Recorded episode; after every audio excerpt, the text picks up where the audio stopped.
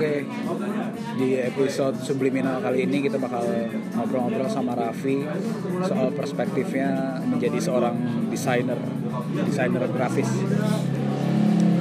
Oke, Heng, eh, bisa diceritain nggak perjalanan mana soal pertama jadi desainer? Atau pertama dulu ya, lu kan eh, awal memilih eh, apa namanya memilih jurusan ya kan? Lu dari kuliah kan? Iya betul. dari kuliah lu memilih jurusan desain tuh kayak gimana sih? Pertama awal mulanya sih pertama eh, karena tidak terima di kuliah di ITB Hmm. jurusan bisnis. Dan gue cuman pengen kuliah bisnis di ITB eh. Jadi gue nggak ngelamar di- jurusan-jurusan lain bisnis akhirnya mencari alternatif lain. Akhirnya mencari alternatif lain. Eh, kedua adalah memasak. Hmm, jauh banget kan? Memasak. Terus akhirnya setelah cari-cari bertanya-tanya ke sana kemari. Gua eh, tawarkan untuk gue ntar akan menawarkan diri untuk pengen masuk ke jurusan desain. Karena sesimpel karena gue suka gambar suka gambar suka gambar nah tapi kan banyak stigma di masyarakat ya. Maksudnya jadi desainer tuh gue sendiri aja masih sering minta desain sama lu yang gratisan gitu. Oh cuma dikasih cuma dibayar pizza. Lo kadang-kadang nggak dibayar juga. Ya emang bajingan itu. Nah enggak lu maksudnya meyakinkan orang tua lu lu pengen kuliah di jurusan desain tuh gimana? Untuk ini kayaknya untuk kayak untuk semua orang yang seumuran gua atau lebih tua dari gua untuk orang yang masuk jurusan desain itu adalah sesuatu yang sulit menjelaskan ke orang tuanya apa itu desain. Ya, ya, itu ya. emang agak tricky sih sebenarnya. Gue lebih tidak menjelaskan apa pun sebenarnya. Ya, ya. So- soalnya karena emang ribet dan dijelasin pun tetap gak akan ngerti gitu sebenarnya. Jadi untungnya orang tua gue cuma mensupport apa yang gue pilih. Sesimpel. Nah, terus kan gini Hank Eh, sebenarnya jurusan desain tuh sama nggak sih kayak jurusan seni seni rupa misalnya? Di ITB itu pandangan masyarakat ya walaupun walaupun lu di ITB tapi lu jurusan SRD gitu ya. Fakultas Seni Rupa dan Desain. Itu dicapnya tetap nggak punya masa depan gitu loh maksudnya ya si ITB ITB nya lu tetap jadi tukang gambar atau jadi ya, ya. ya paham sih itu. Maksudnya emang kayak masih tabu juga sih untuk sebuah maksudnya orang tukang gambar tuh apa gitu kan. Kerjaannya kayak gimana nggak pasti nggak kayak lu kerja di PNS yang udah jelas gitu kan Ya, kalau PNS standar semua orang. Iya kan, ya kayak gitu sih. Kayak lu dokter dia Ya. udah jelas Iya, itu iya. kayak gambar apa sih gambar ya gitu kan. Cuma kayak gitu doang sih. Cuman gua nggak tahu ya bedanya seni rupa sama desain apa. Apa soalnya kan emang di kampus gua itu nggak ada jurusan seni rupa jadi gua nggak terlalu tahu. Nah, tapi ada stigma yang sama nggak? Maksudnya eh, ada stigma bahwa jurusan desain tuh nggak punya masa depan. Atau ujung-ujungnya paling ke ba- bank lagi, perbankan lagi, jadi jadi bankir lagi. Kayaknya enggak sih kalau desainnya soalnya eh, stigma gue nggak tahu stigma eh, zaman dulu kayak gimana. Kayaknya jawab dulu stigma stigma orang desain emang jelek ya. Tapi seiring berjalannya zaman sekarang semua udah serba modern aplikasi startup di mana-mana. Jurus orang desainer itu sekarang semakin agak dihargain semakin dihargai dan semakin dikenal dan semakin dicari sih. Lu gue pernah nemu artikel salah satu apa kayak jurusan yang paling dicari saat di tahun tahun lalu gitu. Ya. Dan salah satunya di sana. Di dunia apa? setelah setelah lu misalnya kemarin setelah lulus kuliah beberapa tahun lalu itu sempat kesulitan nggak sih lu mencari kerjaan yang memang khusus desain atau lu sempat untuk mencari pekerjaan khusus? ke kerjaan lain juga selain desain jangan untuk mencari pekerjaan yang khusus desain banyak banget. Sebenarnya lowongannya ba- Banyak banget. banyak banget cuman cocok-cocokan lu maunya emangnya mau ke mana gitu? Mencarinya menjadi apa? Karena desain itu luas juga. Mau apa?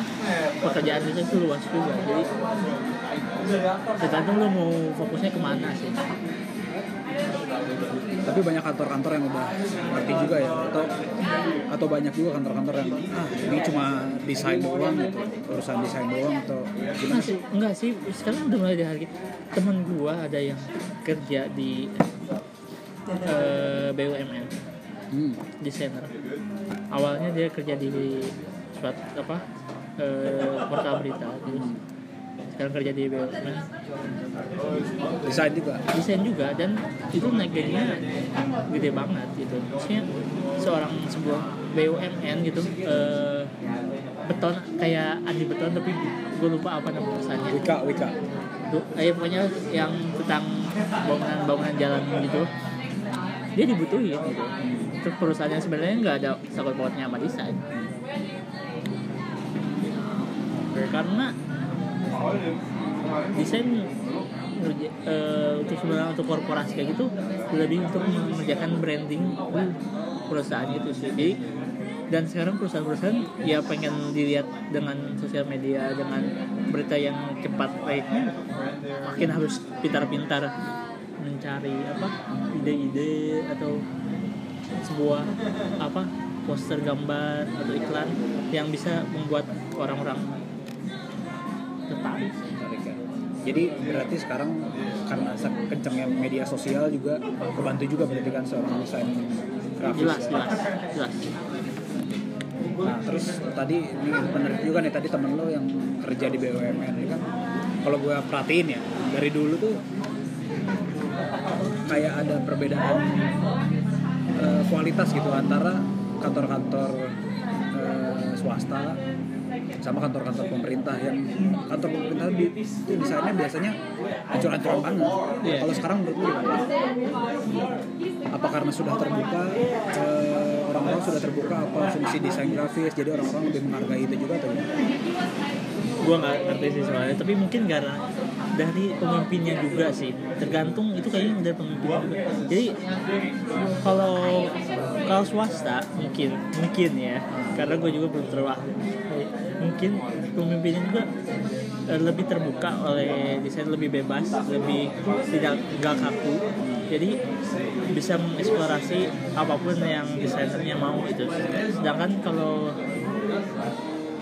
eh, pemerintahan lebih kaku biasanya mereka eh, mencari desainernya tuh yang jaringannya tuh daerah yang mereka mereka tahu aja. Terus eh, atau gini.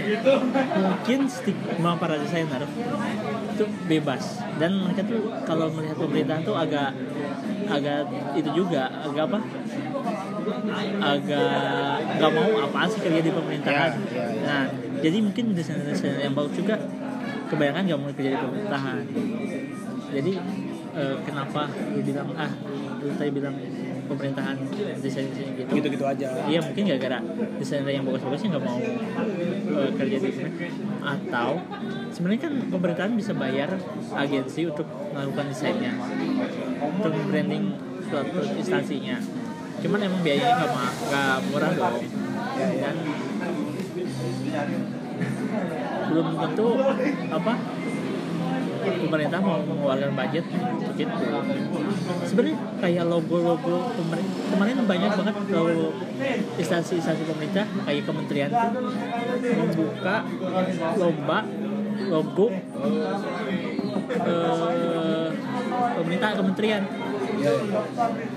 sebenarnya eh, dengan membuka logo itu biayanya dia lebih murah dibanding dia membayar apa nge-hire agensi yang emang khusus mengerjakan bidang logo gitu.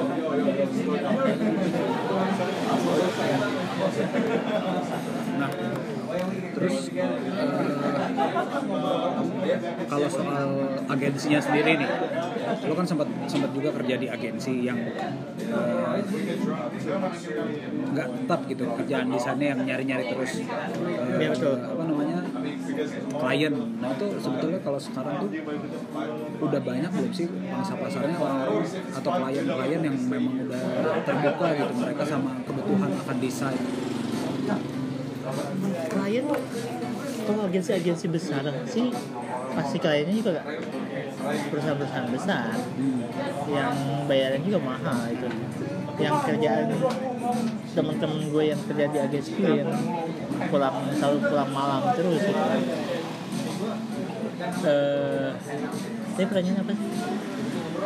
jadi si klien-klien itu udah terbuka belum sih? Sebetulnya eh, mereka tuh udah memandang bahwa desain itu adalah atau Ah, personal ah. branding dari Iya, iya, iya. mereka tuh itu mereka tuh brand mereka tuh sudah sih udah perlu apa enggak? menurut gua ya menurut gua sih sekarang udah sih sudah mulai orang-orang mulai paham maksudnya wah desain itu penting desain itu penting eh, untuk branding mereka. Cuman tetap untuk eh, para menengah menengah apa orang-orang yang mau memulai bisnis atau yang masih skalanya masih kecil terus mereka butuh desain emang masih kurang menghargai apa desain itu desain itu sendiri. Maksudnya kayak ya kayak lu ceritain dari awal ya, tadi bilang min- minta desain dong ini dong. Maksudnya karena mereka merasa yang mereka lihat tuh ah ah ini mah gampang desain gini mah kayak simpel doang bentar kali. Tapi kan sebenarnya nggak sesimpel itu kayak kayak lu misalnya gue bilang ke lu lu sebagai jurnalis ah gampang nulis doang mah. Tapi kan sebenarnya tuh kayak lu me- di respect pekerjaan lu sebenarnya lu udah lu bisa membuat itu gampang karena lu sudah punya berpengalaman yang panjang yang banyak. Jadi lu bisa mengerjakan pekerjaan lu sebagai lebih cepat yang terlihat gampang. Kayak gitu sih sebenarnya tapi orang awam tuh nggak ngeliatnya nggak kayak gitu. Nah terus kan sekarang desain tuh harga desain ya harus kita akui ya ongkos ongkos desain itu kan mahal banget. Nah sebetulnya apa sih yang buat itu mahal banget gitu? emang nggak bisa diukur sih sebenarnya ya. Sulit tuh ukuran harga di sini mungkin tergantung dari siapa yang ngedesainnya kayak lu kayak lu beli barang di matahari ya sama di barang di Zara. Zara bedanya ya apa itu sih? brand kan? Brand. Itu persoalan brand. Iya tapi apa, sama desain juga. apa emang proses kreatifnya se segila itu gitu sesusah itu gitu untuk Iya, mendapatkan ide. Untuk mendapatkan sesuatu yang bagus banget dengan uh, out of the box yang luar biasa kayak iklan-iklan yang nyeleneh yang selalu apa? Kayak banyak iklan-iklan yang desain-desain yang sebenarnya anjir keren banget padahal simpel doang. Nah, itu pasti butuh proses panjang-panjang tapi kayak sebenarnya kayak lu bikin poster kayak mana ya kayak gini kayak bikin kayak gini nih ya misalnya. Ini nggak akan sepanjang itu juga sih Cuma prosesnya. desain di di gelas doang ya. Iya tapi tapi emang ini pasti dia pasti butuh proses. Kreatifnya tapi nggak nggak apa nggak sedip itu juga untuk proses kreatif berarti lebih kenapa mahal? Jadi pengalaman juga berpengaruh sih sih. Jadi Aing bisa bilang kalau kenapa itu mahal? Karena ya proses proses kreatifnya juga nggak nggak semudah itu gitu. Iya proses kreatif experience eh, karena eh, terus lu nggak harus inget ke kayak barang-barang apa kayak ilustrasi-ilustrasi itu butuh proses waktu gitu. Yang lu bayar itu sebenarnya bukan eh, desainnya doang tapi waktu yang yang kita pakai untuk mendesain itu sendiri gitu. Soalnya ngedesain itu nggak bisa cepat ya? Cepat. Butuh waktu yang panjang juga. Iya. Nah tadi lu sempat bilang juga kalau soal waktu nih. Kalau soal waktu kan tadi banyak agensi juga yang anak-anak anak-anaknya pulangnya malam. Nah itu sebetulnya kenapa sih sampai bisa pulang malam? Itu sebenarnya mereka tuh ngerjain apa sih? Ya sulit ya dibilang. Ya itu dia. Mas, pakai enggak? Ini mas. eh eh, apa yang bikin mereka? iya. Aja. apa yang membuat mereka pulang malam? Kerjaannya banyak. Udah. Kerjaan enggak kerjanya tuh ngapain? Apakah itu mendesain atau Mendesain. brainstorming? Brainstorming dan desain. Brainstorming cukup lama terus ngedesain kayak kita pengen ngasilin sesuatu yang bagus. Terus setelah kita buat ternyata ada proses apa ke atasan lagi untuk dilihat apa ini bagus apa enggak. Oh ini kurang ini kurang itu kurang ini kurang itu. Karena desain itu masalah subjektif lu Referensi. iya referensi. Menurut atasan lu oh ini kurang bagus tapi sebenarnya gimana? Gitu kan. Berarti itu permintaan atasan lo atau sebenarnya itu permintaan dari klien biasanya? Iya biasanya pasti dari klien dulu briefnya kayak gimana set. Terus tapi tetap lu harus melalui atasan lu dulu asistensi bahwa ini layak apa nggak ditampilkan klien gitu. Terus permintaan teraneh dari klien yang pernah lo nggak tahu terima? Nggak ada sih yang, yang, yang nggak paling susah susah ada sih eh, susah semua sih. Eh nggak susah semua sih di tahap apa sih yang paling susah. Tuh gambar gua, Gambarnya gua, atau- gua tuh paling nggak bisa nggambar ilustrasi orang kayak gitu. Nggak bisa gua. Jadi kalau misalnya ada permintaan yang harus harus gue menggambar ilustrasi orang atau yang realis itu nggak bisa gua. terus kan biasanya suka ada klien yang minta misalnya dia personal brandingnya logonya tuh ingin sesuai dengan citra yang mereka tonjolkan kan pasti kayak gitu kan. Nah Iya. itu prosesnya tuh Kadang-kadang bisa pernah- gua pernah- menginterpretasikan gua pernah- gambar lu dengan citra citra sebuah brand itu gimana? ya riset. Pasti kalau untuk perusahaan ini suatu aja ya. Pasti riset. Riset dulu. Maksudnya eh, perusahaannya mau seperti apa? Perusahaannya bagaimana dia eh, kalau udah kalau rebranding maksudnya sebelumnya itu dia tuh kayak gimana sejarahnya panjangnya kayak gimana. Kita kan ambilnya dari itu dulu awalnya kalau dia emang baru mulai kita pasti tanya-tanya dulu dong. Maksudnya itu maunya mau ngeliatin apa? Lu mau bidangnya apa? Fokusnya ke mana? Lu USP lu apa? Unique selling point lu apa? Berarti itu harus disediain sama klien sebelum sebelumnya ya biasanya ya kita nanya-nanya juga sih nah, biasanya jadi ada interviewnya juga Iya, juga. Iya soalnya kan kalian juga nggak tahu ya sebenarnya dia pengennya kayak gimana. Lu saat lu minta desain kadang-kadang lu blank gitu. Tapi kadang-kadang ada juga yang kalian lu blank minta apa pas dikasih lu si klien baru mikir oh kayaknya bagusnya gini gini gini jadi brainstorming bareng sama klien gitu. Tapi itu malah jadi capek kan jadi malah jadi dua kali sih iya nggak sih Nah tapi kalau kalau misalnya dapat klien yang emang ngeblank, nah itu ngakalinnya gimana lu apa? Iya, gua cari referensi-referensi sih biasanya. Banyak-banyakin referensi sih. Berarti lo nyoba eh, mengartikan apa yang dia ingin. Iya. ingin tonjolkan dari citra Iya, betul. gitu. Ya, seperti itu. Terus kalau soal terus kalau soal gaji, nih, asik nggak sih sebenarnya jadi desainer? Dengan segala stigma yang ah desain mah gampang, tapi sekarang perusahaan itu udah Banyak. menghargai itu nggak sih dengan dengan dengan nominal ya gajinya Tergantung sih, tergantung. Lu kerja di mana dulu, ya itu udah pasti ya kan? Terus sebagai apa dulu? Terus fresh graduate standar-standar aja sih menurut gua fresh terus orang fresh graduate ya standar lah gaji berapa di sebuah korporat tapi banyak juga kayak orang yang lebih kerjanya eh, independen freelance. Dia kayaknya tuh bukan orang Indonesia tapi orang-orang luar negeri. Free- banyak banget freelance freelance Indonesia juga kan yang dulu tahu sendiri apa yang yang kerjanya sampai Hollywood gitu gitu kan. Dan kata teman-teman gua eh, orang-orang luar tuh lebih menghargai si sebuah desain sendiri misalnya lebih menghargai kerja keras kita untuk bisa mereka udah aware lah gitu Iya. dengan dengan apa yang Iya. yang sebetulnya apa yang kapabilitas sebuah Iya.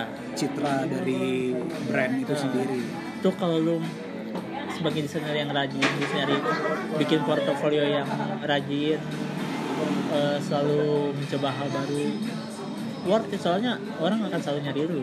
Dan kerjaan selalu ada.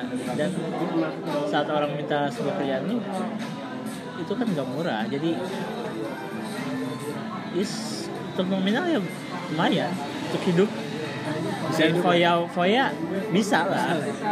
Jauh banget bisa banget. Oke mantap. Segmen